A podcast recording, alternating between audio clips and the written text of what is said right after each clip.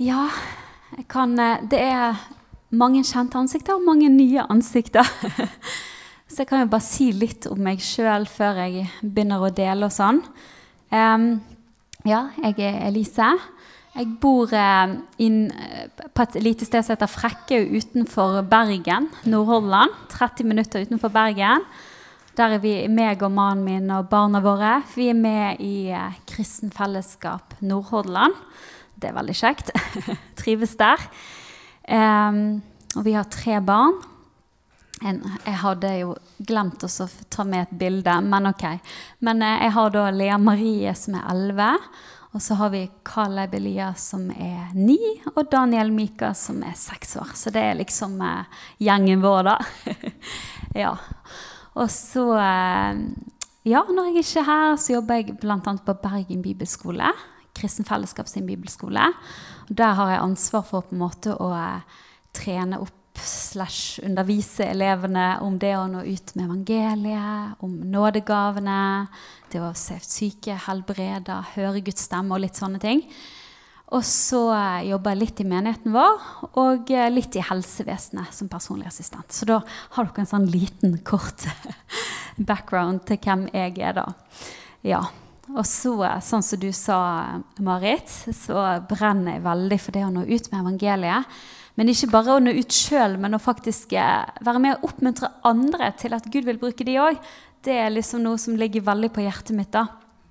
Eh, synes det er, det, er, veldig kjekt å oppleve det sjøl, men noe av det gøyeste jeg vet, det er å se når andre får lov å ta nye steg med Gud. Og, ja, jeg, jeg, jeg, tar jo denne bibelskoleklassen med ut på gatene i Bergen. Og det å se noen som tenker at eh, jeg vet ikke om Gud kan bruke meg, få lov å være med og legge hendene på syke, se at de blir helbredet eller dele evangeliet, det, oh, det er gøy.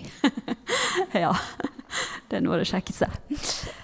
Um, før jeg deler så, jeg, bare, jeg, vil bare dele en oppmuntring som jeg kjente på når jeg søkte Gud eh, for å komme her, eh, til dere som menighet.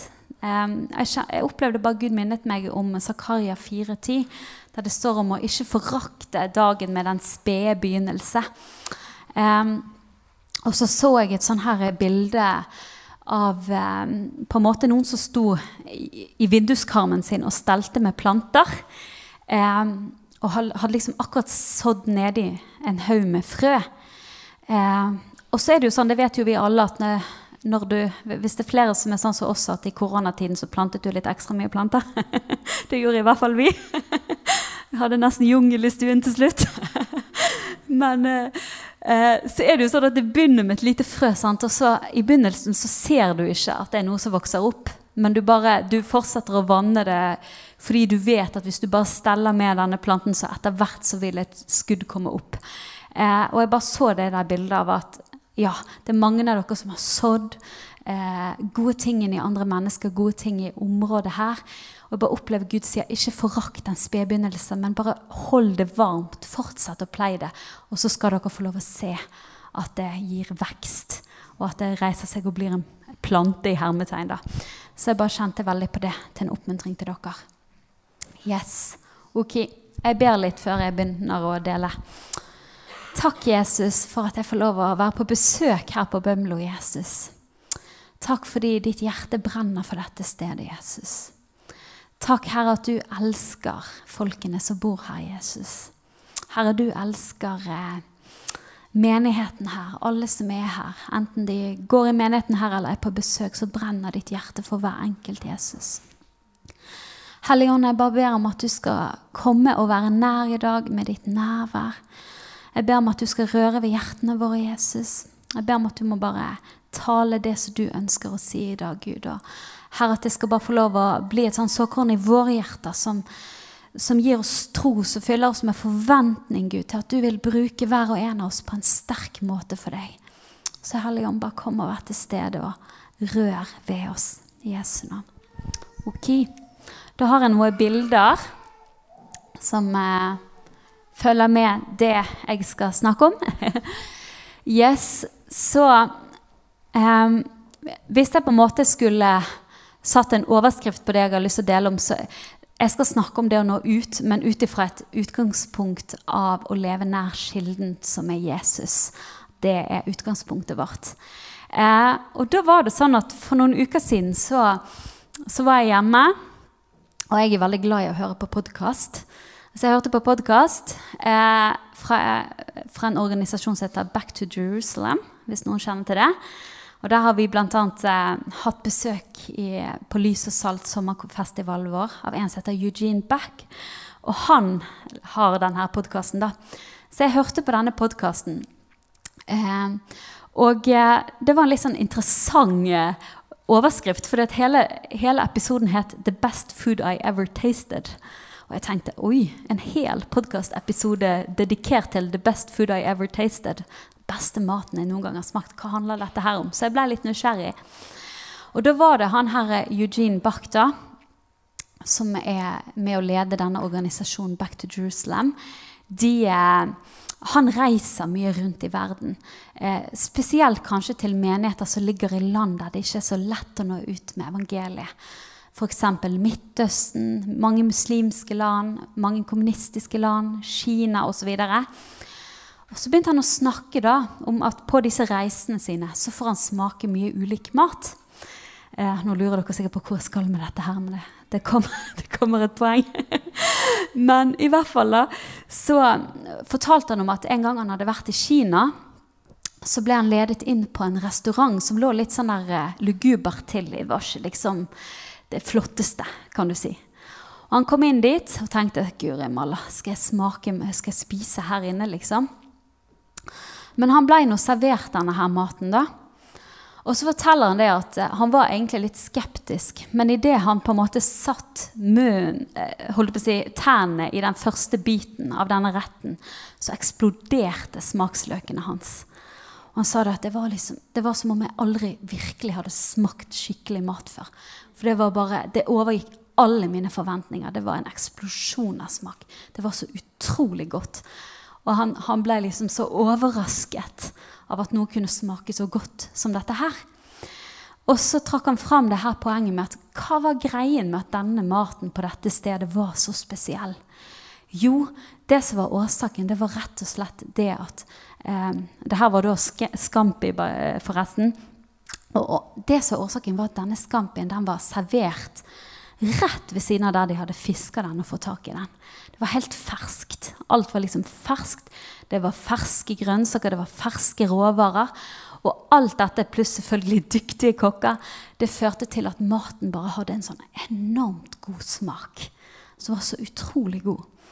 Og så sa han det at eh, Så trakk han en parallell da, som jeg syntes var veldig interessant. Og det var det at han sa jeg reiser mye rundt i verden. Um, og spesielt, som jeg sa tidligere, til disse menighetene som kanskje ja, eh, Typisk sånn menigheten i Kina, f.eks. Der, er veldig mye, der har de, de har gjerne Bibel. Men han sa det at de har gjerne ikke alle de siste podkastene. De har gjerne ikke alle de siste kristne bøkene. Sånn som vi. Vi har jo tilgang. Det er, det, er, så mye bøker at du kan jo nesten gå deg vill. Hvor skal du begynne? Sånn har vi det i hvert fall hjemme. Mens disse folka som lever litt i disse undergrunnsmenighetene, de har gjerne bare Bibel og Guds ord. Men de har de menighetene som vokser mest og ser flest mennesker frelst i hele verden. Så sånn hemmeligheten bak det var at de lever så nært Jesus. De lever nær til kilden. De lever friskt i Den hellige ånd hele tiden. Eh, og de, de, leser Guds ord, og de tror faktisk det som står, der. Det er ikke bare en fin bok, men de leser den, og de handler på det de leser. Og så er resultatet av det en enorm vekst. Det er mange som blir lagt til. Det er mange som får erfare Guds kraft. Guds kjærlighet, og mange som blir frelst. Og det her, det bare det det bare, På en måte det rørte litt ved meg, da. For det bare slår meg hvor enkelt det egentlig er. At egentlig det vi er kalt til som kristne, det, det er ikke komplisert. Vi er kalt til å sitte ved Jesus sine føtter. Til å høre hans stemme og til å gjøre det han ber oss om å gjøre. Og det er hele oppskriften til hvorfor disse menighetene lykkes. Og det, det, jeg kjente bare når jeg hørte det, så ga det meg håp. For jeg bare tenkte, vet du hva? Jeg må ikke komplisere ting. Det her er enkelt. Det Gud kaller oss til å gjøre, er ikke vanskelig. Så I Johannes 15, vers 4-5 så står det Bli i meg, så blir jeg i dere. Slik som grenen ikke kan bære frukt av seg selv, men bare hvis den blir på vintreet, slik kan heller ikke dere bære frukt hvis dere ikke blir i meg. Jeg er vintreet, dere er grenene. Den som blir i meg og jeg i ham, bærer mye frukt, for uten meg kan dere ingenting gjøre. Så Jesus han levde i fellesskap med far, ledet av Den hellige ånd. Eh, han var planta på Gud, og vi er kalt til å være planta på vintreet, som er Jesus, og leve tett til han. Jesus sa i Johannes 5, 19, Sannelig, sannelig, jeg sier dere, sønn kan ikke gjøre noe av seg selv, men bare det han ser sin far gjøre. Det far gjør, det gjør også sønn. Så Jesus han visste i alt han gjorde, at Gud var hans kilde. Far var hans kilde, og han levde tett med Jesus. Eh, og, og, så gjorde han det far ba han om å gjøre. Og jeg tror at Gud ønsker å ta oss alle, inkludert meg sjøl, til det stedet der vi sitter ved Jesus sine føtter og hører det han har å si. Og Da har jeg tenkt å vise en liten video hvis vi får det til å funke, før jeg sier noe mer.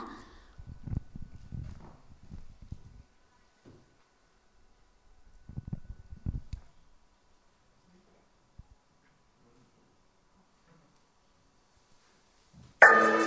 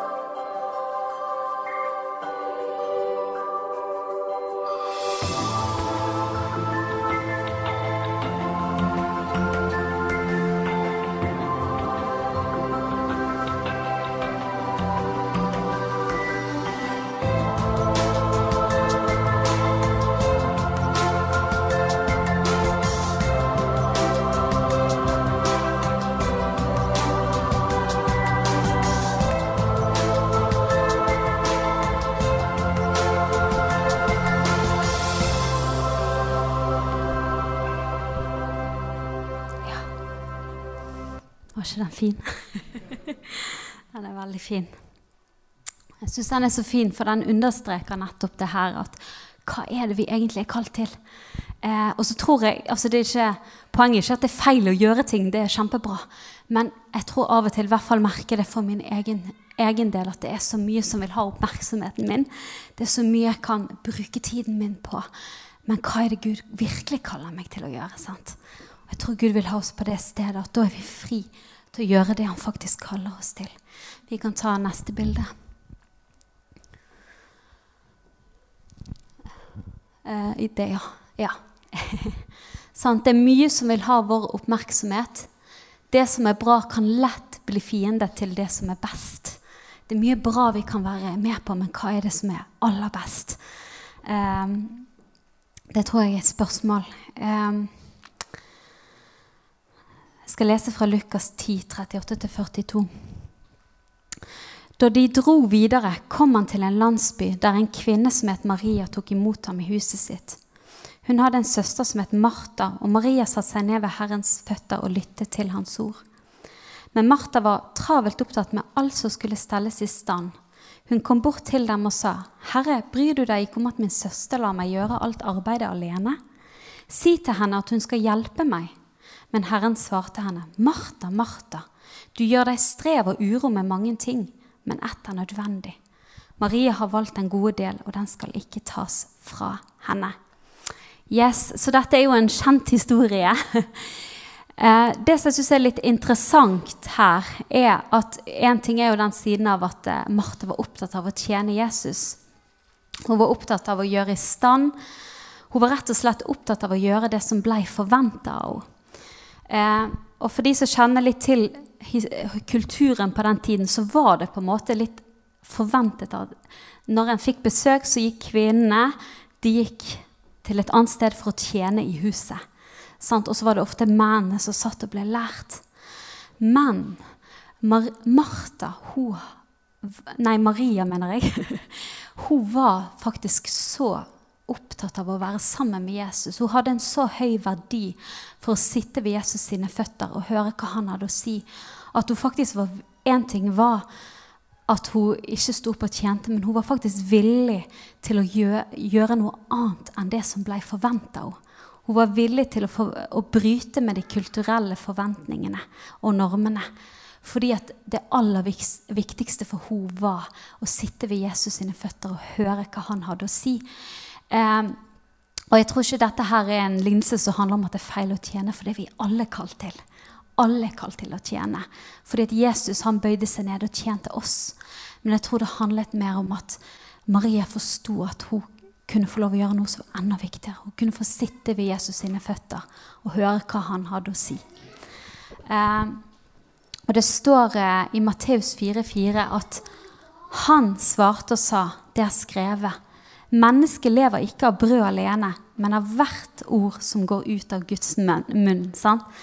Eh, og så Jeg måtte søke det, jeg syns det er sånn gøy å se på ulike oversettelser. For ofte står det beskrevet på en litt annen måte.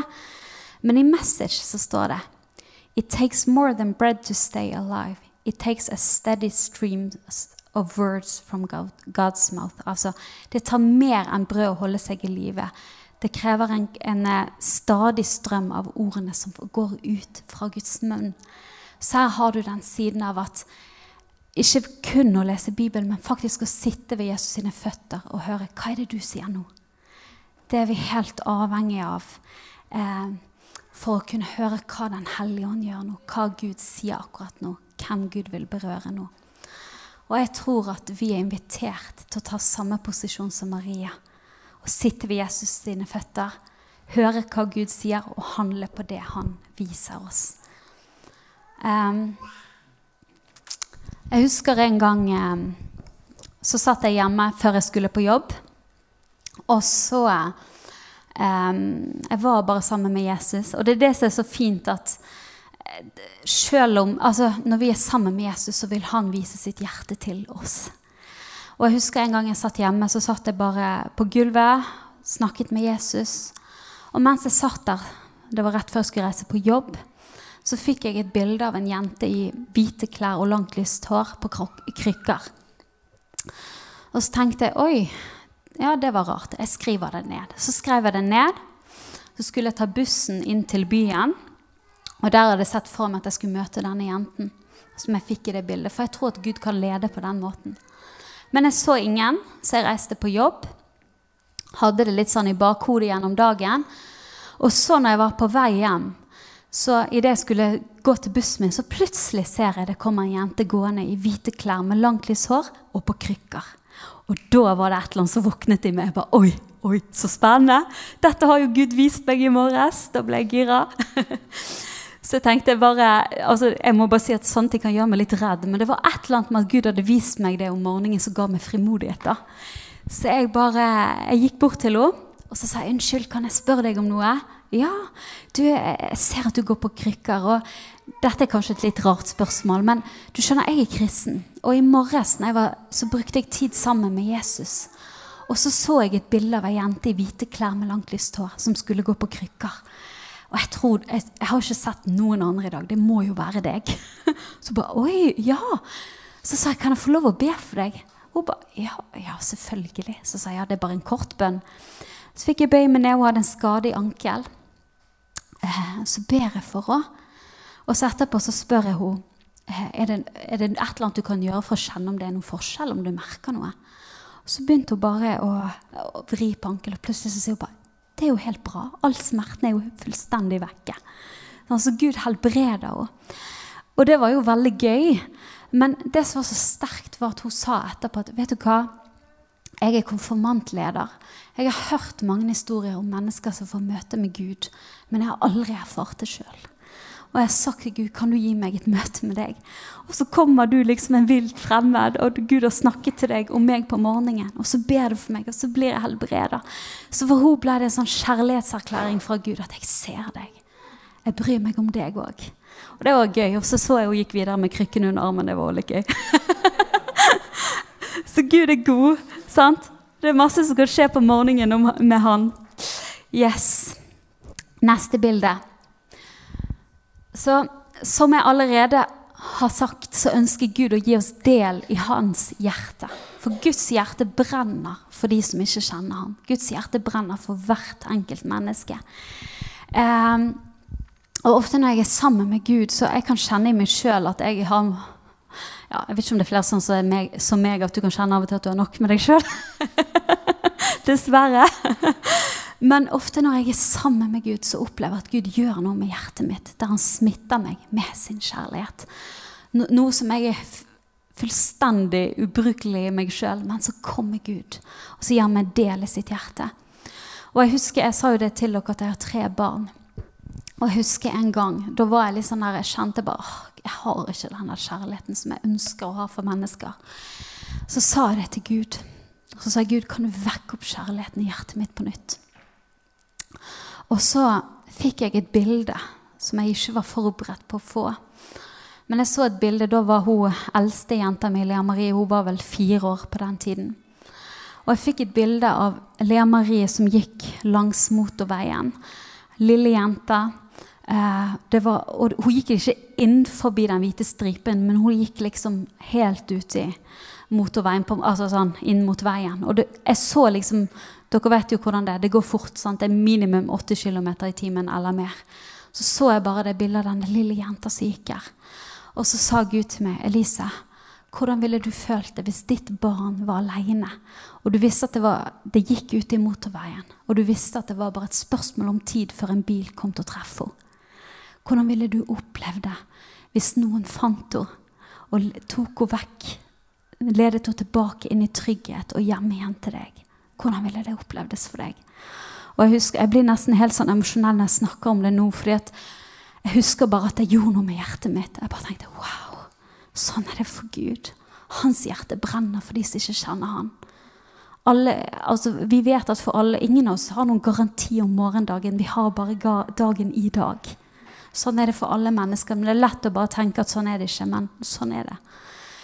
Eh, og Gud lengter etter at alle skal bli frelst og få kjenne Han. Eh, så Guds, Gud vil gi oss del, at vi kan kjenne det som er i hans hjerte.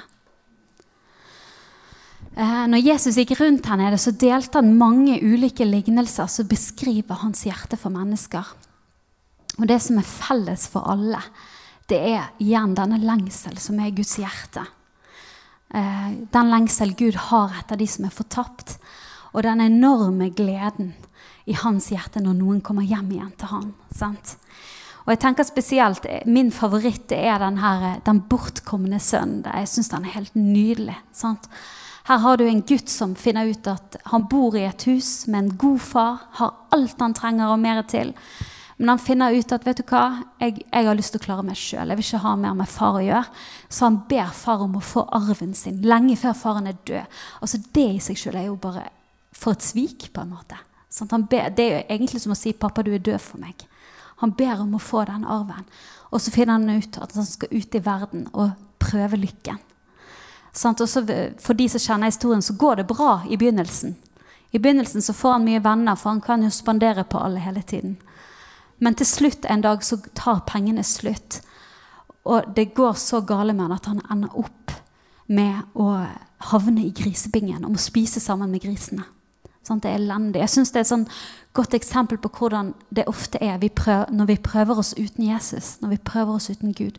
Det går kanskje bra en stund, men så på et eller annet tidspunkt så tar gleden stopp. Og så kjenner vi wow, det her gikk ikke så bra som jeg trodde. Det, var, det ble ikke helt som jeg ville. sant? Men det som jeg syns er så nydelig i denne historien, det er at jeg får inntrykk av at han her faren For det første gir han jo pengene, for han vil ikke tvinge sønnen til å bli værende. For kjærlighet tvinger ikke, kjærlighet gir frihet. sant? Men inntrykket mitt ut ifra lignelsen er at faren ser etter ham hver dag. At faren hver dag går ut og ser når kommer han hjem igjen. Vil han komme hjem igjen? Fordi når du leser i Lukas 15, 20, så står det da han ennå var langt borte, fikk faren se ham, og han fikk inderlig medfølelse med ham. Han løp sønnen i møte, kastet seg om halsen på ham og kysset ham. Så jeg tenker at denne lignelsen handler like mye om faren. En far som lengter etter de som er fortapt. Sånn er Gud. sant? Når Jesus fortalte disse lignelsene, så var det for å vise og beskrive til oss hvordan Gud er. Sånn er Gud. Han lengter etter hvert menneske. Han går ut og ser vil du komme hjem i dag. Og så løper han de i møte. Og det som er så vakkert, det er at eh, Gud Det er ikke bare i denne historien Gud løper sønnen sin i møte, men Gud gjør det fortsatt i dag. Han løper fortsatt mennesker i møte i dag. Um, og jeg tenkte å dele en historie om det. Um, en gang så var meg og mannen min uh, på vei til USA med fly. Og så skulle vi ta flyet fra Frankfurt i Tyskland og til Chicago. Um, og så husker jeg at um, når jeg sto på en måte i gaten sant, der du skal gå på flyet, så lå jeg merke til en mann som gikk liksom frem og tilbake sånn hele tiden. sånn frem Og tilbake. Og jeg kunne bare se at han var veldig urolig. på en måte. Det var et eller annet som ikke stemte med han. Og Jeg husker bare jeg lå merke til han og tenkte oi, han ser ikke ut som han har det bra. Og så kom vi på flyet. Eh, og eh, når vi kom på flyet, så etter hvert sant, Dette var en åtte timers flytur. Så lå jeg merke til at den samme mannen kom, Vi satt rett ved toalettene. Og ca. hver halvtime, nesten uten unntak, så kom han til toalettet og stilte seg i kø. Mens han liksom gikk rastløst frem og tilbake. Og så etter en stund så kjente jeg bare det er et eller annet. Jeg tror Gud vil røre ved den mannen der. Jeg bare kjente at hjertet mitt ble på en måte fylt av kjærlighet til han. Så jeg eh, satt, med, jeg satt jo i ro, så jeg spurte Helligånd Helligånd, har du en hilsen, et ord til han, et eller annet. For jeg tror du vil møte han i dag. Og så fikk jeg en sånn enkel eh, hilsen. Så jeg eh, bestemte meg for å ta kontakt med han neste gang han stilte seg i doket. så jeg, eh, for å være litt sånn smart, da, så, så neste gang jeg så at han gikk på do, så eh, stilte jeg meg i køen, lot som jeg skulle på do, jeg òg. og så når han kom ut, da, så tok jeg kontakt med han og så bare 'Unnskyld, kan jeg spørre deg om noe?' Ja da. Og så var det noen ledige seter der, så vi satte oss ned. Og så sa han her var amerikaner, da, så begynte vi å snakke. Og så sa jeg til han, du, jeg må bare si, jeg er kristen. Og fra jeg kom på flyet, så har jeg ikke klart å la være å legge merke til deg. For jeg opplever at Gud har en hilsen til deg. Så jeg ville bare si, dele den med deg. Er det greit for deg? Ja, ja, ok. Og så ga jeg han et enkelt ord om at eh, jeg så han jobbe med unge menn som på en måte hadde vært i fengsel eller hatt en veldig tøff oppvekst, men at han på en måte hjalp de tilbake til livet. For det var det jeg opplevde Gud viste meg. Og så sier han bare 'Hvordan vet du dette? Dette er jo det jeg jobber med, og det er dette jeg drømmer om å holde på med.' Hvordan vet du det, liksom? Nei, du skjønner at jeg, jeg har tatt imot Jesus, og du vet Den hellige ånd, Guds ånd, bor på innsiden min, og han kjenner deg. Så han viste meg dette. Oi, oi, oi. Og så begynte jeg å dele evangeliet med han. Og så mens jeg deler evangeliet med han, så sier, forteller han meg at vet du hva, jeg pleide å være en kristen. Jeg pleide å tro på Gud. Men jeg var i krigen i Irak. Og der i krigen i Irak så, eh, så jeg min beste kompis eh, kjøre over en veibombe og bli sprengt i luften. Og fra den dagen så snudde Gud ryggen, og jeg sa Gud, jeg vil ikke ha noe mer med deg å gjøre. Etter det han hadde sett. Og så sa jeg til ham men du, det høres ut som Gud prøver å få gutten sin hjem igjen i dag. Hva tenker du om det her? Har du lyst til å komme tilbake til Jesus? Og så delte den lignelsen om den bortkomne sønnen. Ja, og han kjente til den. Og så har du lyst til å gi livet ditt tilbake til Jesus i dag. For, det, for meg er det ingen tvil om at han kaller deg hjem igjen. Så sa han ja, det ønsker jeg. Og så skulle jeg til å liksom begynne å lede han i denne frelsesbønnen som vi ber med mennesker, men jeg kom ikke så langt. For før jeg fikk gjort det, så begynte han bare helt av seg sjøl å vende om til Gud og si til Gud Gud, tilgi meg for all min synd. Jeg har vendt deg ryggen, jeg har snudd deg ryggen, jeg har syndet imot deg. Jeg ønsker bare å gi livet mitt tilbake til deg. Kan du tilgi meg? Så uten at jeg fikk lede han, så vendte han om på flyet. Opp i luften til Jesus og ble født på ny. Gud er så god. Han elsker mennesker. Og han vil bruke meg og deg til å finne de som er fortapt. Til å lede de hjem igjen til far.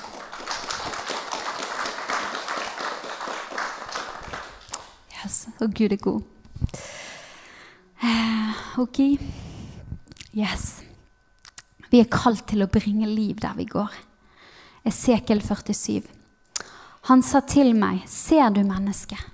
Så førte han meg tilbake til elvebredden. Og se, da jeg kom tilbake, var det en mengde trær langs elven på begge sider. Han sa til meg, dette vannet renner til områdene i øst og ned på Arabasletten. Når det renner ut i sjøen, blir vannet der friskt. Alle levende vesener som det kryr av overalt hvor den elven renner, skal få leve. Der skal det bli mengder av fisk, for hvor dette vannet kommer, blir alt friskt og levende, alt som er der elven renner. For hvor dette vannet kommer, blir alt friskt og levende. Alt som er der elven renner. Eh, det står jo, Denne elven står det at den rant ut fra tempelet. Og så står det at denne elven overalt hvor den rant, så brakte den liv med seg. Alt som var rundt der elven var, ble gjort friskt og levende. Og så er det jo sånn at etter Jesus så bor ikke Gud lenger i bygg eller tempel. Men vi mennesker er blitt et tempel for Den hellige ånd. Vi bærer Den hellige ånd med oss der vi går. Sånn at der vi går, kan vi bringe Guds liv til de vi møter. Det er fantastisk. Det er ganske rått at Gud velger å ta bolig i vanlige mennesker. det er rått. Sånn, Johannes 7, 37-38. Den som tørster, skal komme til meg og drikke. Den som tror på meg, fra hans indre skade, som Skriften sier, renner elver av levende vann. Sant? Så vi som tror på Jesus, vi har Den hellige ånd i oss, og han lengter etter å komme ut. Han lengter etter å berøre mennesker rundt oss. Og han har valgt å bruke meg og deg til å gjøre det. Um, i sommer så var vi på noe som vi kaller skattejakt. Det høres kanskje litt rart ut. Men det er rett og slett litt sånn som hun jenta på krykkene. Det er sånn at eh, vi er en gjeng i Nord-Holland som samles og søker Gud, lovsynger sammen, lytter til Den hellige ånd. Og så sier vi, 'Gud, vis oss dine skatter'. Og hva er Guds skatter? Det er mennesker, sant? Og så får vi ofte en sånn beskrivelse av mennesker vi skal møte. Um, og han ene som var sammen med oss, han fikk et uh, bilde av at han skulle møte en eldre mann. Eller eldre og eldre, men en voksen mann, en godt voksen mann. Uh, som skulle hete Geir, og som skulle ha smerter i ankelen. Så han skrev det ned. Så kommer vi til Åsane utenfor Bergen, der vi skulle gå. Og der ser vi en mann. Og, så, og da var ikke han med, han som hadde fått dette navnet. Så eh, meg og noen andre vi ser likevel en mann som kommer gående, og vi opplever han har vondt i ankel. Så vi går bort og spør hei, unnskyld, hvordan går det med deg, har du en fin dag? Har du tilfeldigvis vondt i en ankel sant, når vi snakker litt? Jo, ja, det stemmer det, jeg har veldig vondt i ankel. Ja, hva heter du for noe? Nei, jeg heter Geir. Og da bare Oi, sa du at du het Geir? og da måtte jeg bare ringe han andre og bare Du må komme med en gang, jeg har funnet Geir. Så han kom løpende. Uh, og uh, ja, Geir han hadde hatt eh, Han var 65. Hadde hatt smerter i ankelen sin i 45 år. For 45 år siden så hadde han hatt en stygg ulykke der han hadde falt og fått noen heftige skader i ankel. Og legene de hadde egentlig gjort alt de kunne. Operasjoner og det hele. Men selv om de hadde gjort alt de kunne, så hadde han fortsatt sterke smerter. Eh, og han, sånn, han, var skikkelig hoven. altså Det var en sånn stor kul på en måte rundt hele ankelen hans, som hadde vært der i 45 år. Og så begynte vi å snakke med han, og så sier vi at du, Jesus har jo vist oss deg. Vi har fått både navnet ditt og skaden din og hva du skulle gå kledd i. Det er jo tydelig at Jesus vil ha kontakt med deg. Så sa han det at ja, jeg tror ikke så veldig mye på Gud, jeg. Så sa han nei, men du, det går fint. Gud tror på deg. han har skapt deg. Nja, vet ikke helt. Så er det, jo liksom, det er jo en sånn grense mellom liksom, hvor mye skal du pushe folk, og hvor høflig skal du være. sant? Det er jo... Men eh, vi sto nå bare og snakka litt, så sa vi du, kanskje vi eh, bare får lov å be én bønn. Vær så snill. Vi, siden vi nå både har fått navnet ditt og ankelen din og fullpakke. Ja, ok, da. Liksom. Eh, så får vi be. Han får ikke testa det ut så mye mer. Vi får dele evangeliet. Og han er nå hyggelig, og sånn, men ikke så veldig interessert. Så går det en uke mens vi var på Lys og Salt i sommer. Så får han her eh, ene som var med oss ut, da telefon fra Geir mens han sitter på jobb. Så sier han bare 'Hei, hei, vet ikke om du husker meg, men dere ba for meg for en uke siden.' 'Det er meg med den der onkel 'Ja, hva som skjedd med det? Hvordan går det med deg?' 'Nei, hevelsen er gått drastisk ned, og jeg har nesten ikke vondt lenger.' Fantastisk. Sant? Og her hadde du en vi sto ganske lenge med han, som prøvde å fortelle oss hvor lite han trodde på Gud. Men du vet, Gud ikke, lar seg ikke stoppe det. Gud elsket han likevel, selv om ikke han trodde på Gud. Og han fikk møte Jesus. Så det er fantastisk. Jesus han er klar til å møte mennesker med sin kjærlighet. Han trenger egentlig bare at vi slipper han til. Um, En gang vi fikk, uh, fikk be for noen muslimske damer. De hadde vondt i ryggen. Og så er det jo sånn, jeg, jeg, jeg, har, jeg, brenner veldig for muslimer av en eller annen grunn. så er det bare, Jeg elsker å snakke med dem. Det er et eller annet med de som bare drar hjertet mitt, og kanskje spesielt litt kvinner. Eh, og Vi står og snakker med dem, og de forteller ja, da, vi tror på Isa. Det står om han i Koranen, han er en av profetene og hele pakken. Så sa vi ja, vi tror Jesus er en profet, men vi tror han er Guds sønn, og at han elsker deg og ga livet for deg. Og så hadde hun ene en vond rygg, så vi skulle få lov å be for henne. For å være helt ærlig så vet jeg ikke helt hva som skjedde med den ryggen. Men det som jeg syns var så sterkt, det var å se at Gud han venter bare på en anledning til å få røre ved disse damene. For vi fikk lov å legge hendene på dem. Og mens vi ber en helt sånn kort bønn Jesus, kom med din kraft. Kom med helbredelse. Bare åpenbar din kjærlighet for disse damene. Så plutselig så sier Dette var to damer. Så sier begge damene Oi, det var veldig rart. Med en gang du begynte å be for meg, så bare ble hele hjertet mitt kokvarmt. Og varme begynte å fylle hele kroppen min. Så kunne vi bare si Oi, wow. Altså, Jeg tror vi var like overrasket som de. Men vi bare, det høres ut som Jesus prøver å gjøre seg sjøl synlig for deg. Det høres ut som Jesus prøver å åpenbare sin kjærlighet. At han er veien, sannheten og livet. At han døde for deg og er stått opp igjen. At han lever i dag. Så, så var ikke det sånn at de tok imot Jesus der og da. Men vi fikk en fantastisk samtale der det var enda mer åpning for evangeliet.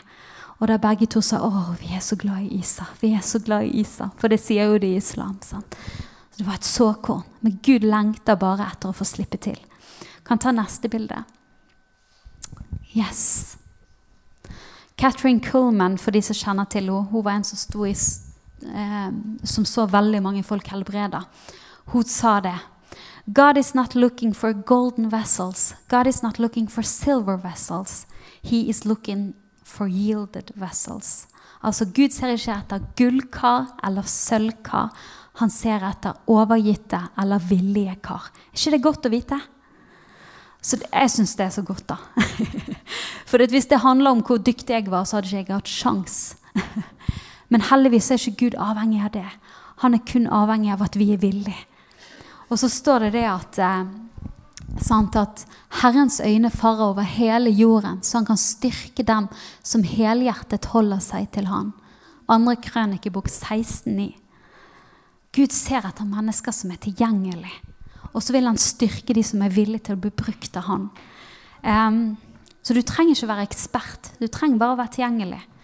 Uh, I koronatiden så var det ei dame i menigheten vår som bare kjente på at uh, oh, jeg har så lyst til å gjøre noe godt for naboene. Så fikk hun en tanke. Kanskje jeg skal kjøpe en blomst og skrive et kort. Så hun kjøpte en blomst til noen av de nærmeste naboene og skrev et helt enkelt kort med et bibelvers på. Og så, etter noen dager så fikk hun melding av den ene naboen. Så skrev hun bare du, 'Tusen takk for denne blomsten, det var veldig fint.' Men eh, det som egentlig berørte meg aller mest, det var det bibelverset du skrev til meg. og hun bare Oi! Sant? Hun ble så overrasket, for hun bare tenkte wow! Jeg trodde jo at blomsten skulle liksom gjøre mest innvirkning, så bare kastet jeg inn et lite bibelvers. Men Gud brukte det bibelverset, noe så enkelt, å røre ved hjertet hans. Og hun fikk en indikasjon på at her er en som er åpen for Gud. Er Dette er høstspråket sånn som Arne snakker om. Det er høsten som snakker. Sånn, så det er ikke komplisert. Vi hadde, Nå begynner det faktisk å bli flere, da, men jeg syns det er sånn fantastisk eksempel på folk som tror de ikke kan bli brukt av Gud. For to år siden så hadde vi en elev som blånektet å være med oss ut på evangelisering i Bergen. Hun var vetterskremt. Og jeg forstår jo det, for det er skummelt første gang du kan gå ut. Og forresten, jeg har lov å fortelle dette, bare så det er sagt. Men uh, i hvert fall da, så hun stilte opp på rektors kontor og sa 'Jeg nekter. Hvor er søknaden? Jeg sender den inn.' og så sa rektor vist 'Du, du kan jo få lov å bare være med og se i dag, om ikke annet.' Hvis det er helt krise, så skal du slippe neste gang. Bare bli med og se du, hvordan det gjøres. Så hun sa 'OK, jeg skal bli med'. Hun ble med. Og Gud overraska henne helt vilt. hun tok av. Første dagen hun var ute, så fikk hun se flere bli helbreda. Plutselig fant hun seg sjøl at hun sto og delte evangeliet med folk og skjønte ikke hva som skjedde med henne selv. Og I hele fjor så var hun frivillig med oss ut hver uke med bibelskolen. nesten. Fordi at hun var bare tent i brann. Og jeg er fortsatt med ut. Fikk nylig lede bestevenninna si til Jesus. Helt fantastisk. Sånn, så, men det, Gud trengte egentlig bare at hun var villig til å gi ham en sjanse. Og så ble hun overraska, for Gud kom med sin kraft. Når hun bare åpna munnen, så gjorde Gud det han bare kunne. Det er gøy. Oi, oi, oi. Tiden går. Gjensidig består. Ok, neste bilde. Ta noen ordtak med, da. Huff a meg. Ok. Så hvordan? Jo, jeg tenker at vi må bli som barn. Ha den der enkle tilliten som Gud har. Jeg tror ikke det Altså Det handler ikke om å bli barnslig, men det handler om å bli barnlig. Lik barn. sant? Jesus han sa i Matteus 18, 23, Sannelig, sannelig, sier dere, hvis dere ikke omvender dere og blir som små barn, skal dere slett ikke komme inn i Guds rike, eller himmelens rike. Men barn er et forbilde for oss på så mange ting. Og det merker jeg jo mer og mer etter hvert som jeg har fått noen unger sjøl. Altså, Snakk om å kaste seg utfor stellebordet hvis ikke du står klar til å ta imot dem, så går det gale. Men de har en sånn enkel tilnærming til livet, i hvert fall de fleste barn, at det går bra. De kaster seg på sykkel, og så prøver de, og så faller de, og så går de opp igjen. sant? Og så prøver de på nytt. Just do it, som Nike sier. De overtenker ikke, men de handler. Og jeg tror at ofte så kompliserer Jeg merker det for meg sjøl at jeg har så lett for å bare ta en sånn indre dialog. Ja, men har jeg virkelig hørt Gud? Er det bare meg sjøl? Istedenfor bare OK, jeg får bare hoppe ut i det, så ser vi hva som skjer.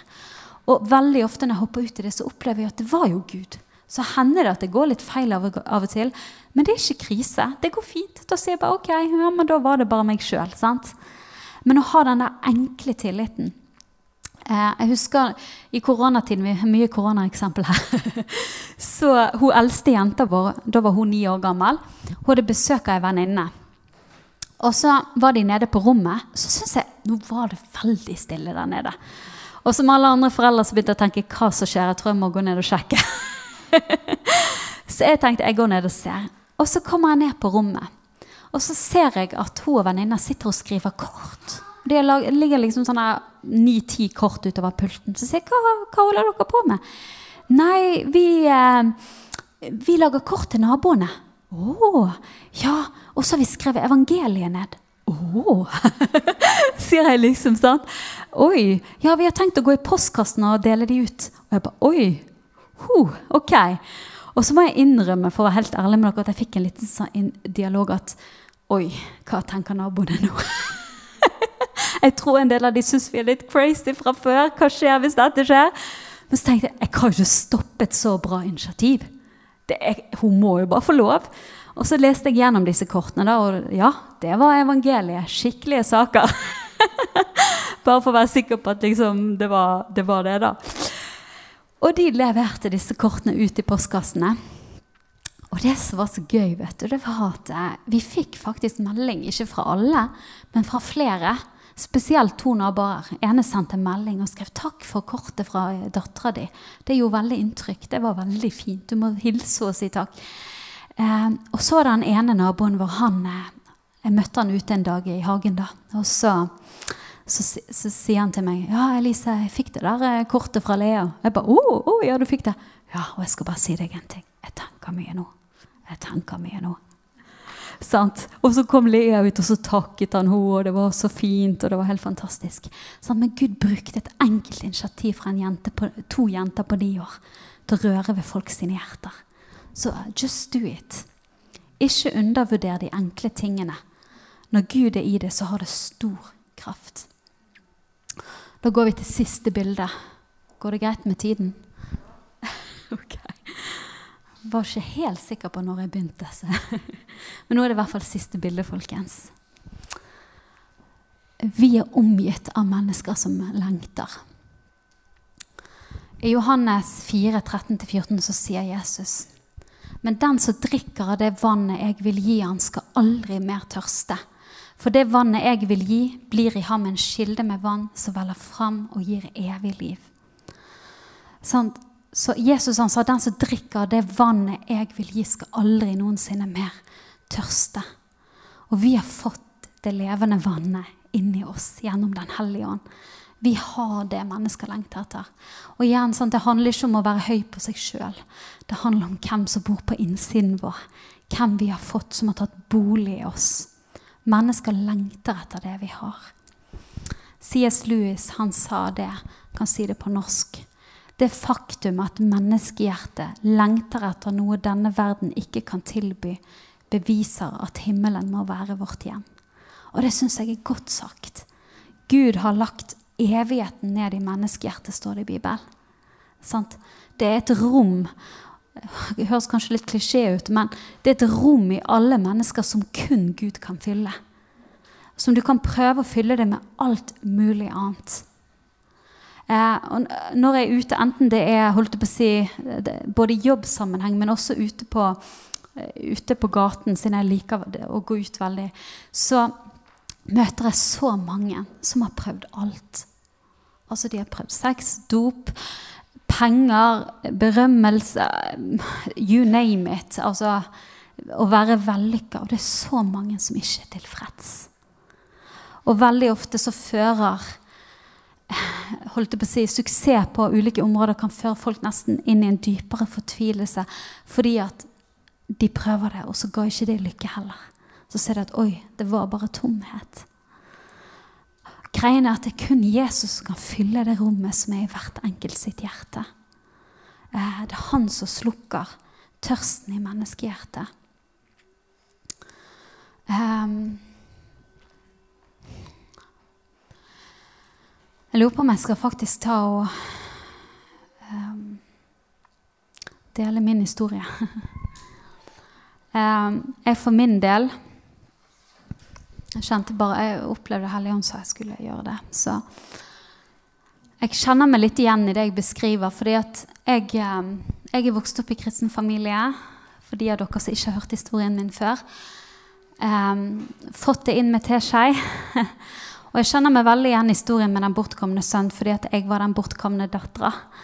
Um, når jeg um, Hele ungdomsskolen så, og barneskolen så ble jeg mobbet. Opplevde veldig mye mobbing.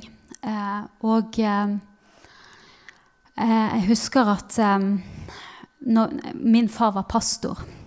Sånn at vi flyttet en del. Så jeg bodde først i Nord-Norge, så Sør-Norge, og så flyttet vi til Bergen. Så når jeg skulle begynne på ungdomsskole, så flyttet vi fra Sørlandet til Bergen. Og da husker jeg at det var en gutt i klassen som kom til meg og så sa han, jeg gleder meg til jeg slipper å se det feite trynet ditt her mer. Og jeg var litt kraftig som barn. Og jeg husker at de ordene de stakk seg som en kniv inn i hjertet mitt.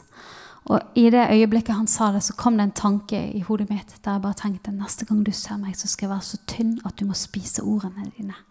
Det var den tanken. Og den tanken, det var ikke meg. Det vet jeg i dag. For det var ikke meg å tenke sånn. Eh, jeg var egentlig en jente full av kjærlighet egentlig, og glede, men den tanken kom. Så flyttet vi til Bergen. Og alt ble egentlig bare mye verre enn det var på Sørlandet. Mye mer mobbing. Eh, og jeg glemte liksom, I begynnelsen glemte det litt sånn pga. spenningen ved å komme til et nytt sted. Men så kom det opp igjen, det han gutten hadde sagt til meg. Og så i løpet av kort tid så begynte jeg å slanke meg. Eh, og jeg raste ned nesten 20 kg i vekt og ble altfor tynn. Eh, sluttet å spise mer og mer. Og så var det en kveld vi skulle ha bursdagsbesøk hjemme. Og jeg fikk panikk, for jeg tenkte jeg må jo holde oppe masken. Så jeg må jo spise. Så jeg tenkte hva skal jeg gjøre? Så kom en ny tanke. Du kan jo bare stikke fingeren i halsen og kaste opp etterpå. Å, den var heller ikke fra meg, by the way. Vi har en fiende som er ute etter å ødelegge oss. Så jeg gjorde det. Spiste. Og når selskapet var over, så gikk jeg på do. Og fra den dagen av Jeg visste ikke at dette skulle bli noe som bandt meg. Jeg tenkte dette blir en engangsting eller i krisesituasjon. Men fra den dagen så var jeg bundet. Eh, og jeg klarte ikke å stoppe. Jeg spiste og kastet opp mange ganger dagen. For jeg hadde gått og vært sulten så lenge. Og havnet ned i en veldig dyp depresjon. Eh, oppi alt det her så fikk jeg også en veldig craving etter at, å bli likt av gutter, siden jeg alltid var blitt kalt stygg. Og jeg opplevde jeg fikk veldig mye, eller ikke veldig mye, men en del positiv oppmerksomhet på det feltet. Og hele tiden så prøvde jeg å fylle det her rommet. Men det som skjedde, var at jeg bare gikk dypere ned. Selv om jeg hadde gode karakterer, gjorde det bra på skolen, ble ikke direkte populær, men mer populær enn jeg hadde vært før. Fikk positiv oppmerksomhet, men likevel så var det mørkt på innsiden. Og det ble bare mørkere og mørkere. Og jeg begynte å isolere meg. Og så for å korte ned på historien, så eh, når jeg var eh, 19 år, da hadde jeg vært syk i seks år. Og der kommer vi til Gud er så god, da. For han begynte å etterjage meg. Sikkert lenge før jeg var klar over. Men jeg husker første gang Gud talte til meg som 17-åring. Så fikk jeg et bilde av at jeg sto foran mange mennesker. Jeg hadde aldri opplevd at Gud talte til meg. Jeg visste ikke at det gikk engang. Men for første gang i mitt liv så opplevde jeg at Gud viste meg et bilde. Det sto foran masse mennesker og delte om Jesus. Og for første gang skjønte jeg at det var en som hadde tro på meg. For jeg hadde ingen tro på meg sjøl. Men fortsatt så sto jeg imot Gud. For jeg var så redd for å gi slipp på den smerten på innsiden.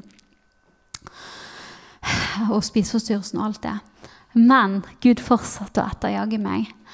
Og så var det en kveld der jeg var hjemme alene der jeg bare var kommet helt på det dypeste. Og jeg bare kjente hvis dette skal være livet mitt, så orker jeg ikke en dag til. Da vil jeg bare dø.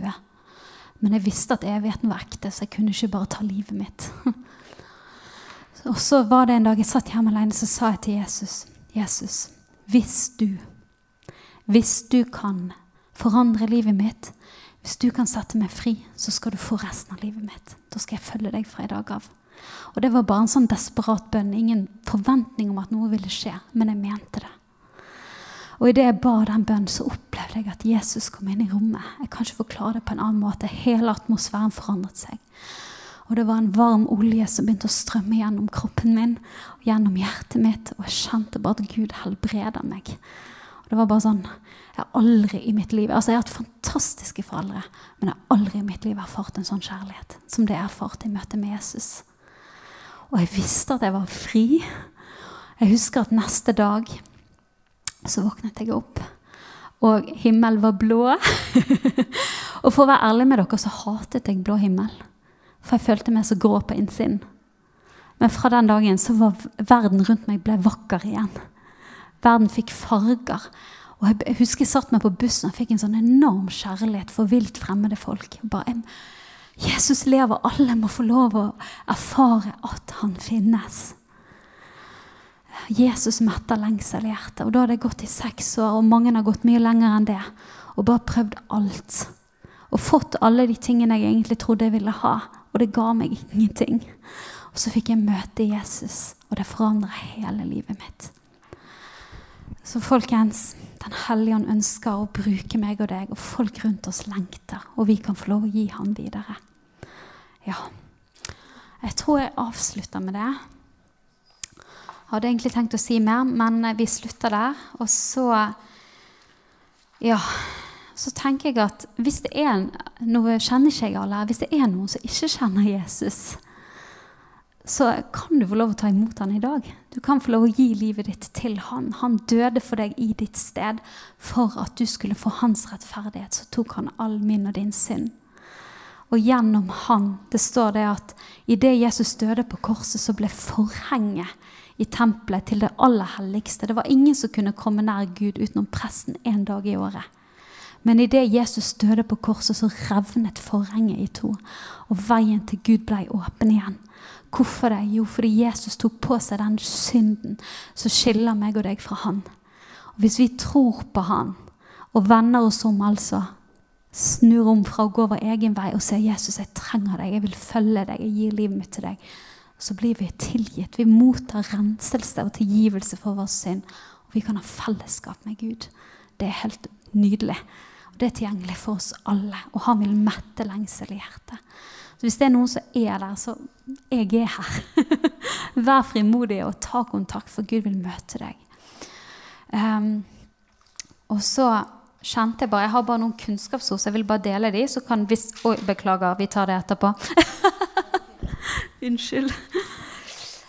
Um, jeg kjente bare på noen ulike smerter i kroppen. Tusen takk skal du ha. Jeg trodde jeg hadde skrevet det her, men jeg hadde skrevet det der. Men jeg kjente på smerte i venstre arm. Hvis det er høyre arm, ber vi gjerne for det òg. smerte i venstre kne, kanskje spesielt på siden. Nei, nå gjør jeg det igjen. Eh, smerte i skuldrene. Kanskje smerte eller problemer med ene øret. Kanskje høyre. Ja. Så hvis det er noen som kjenner seg igjen i noe av det, så bare gi en lyd, så vil jeg gjerne jeg og flere her be for dere.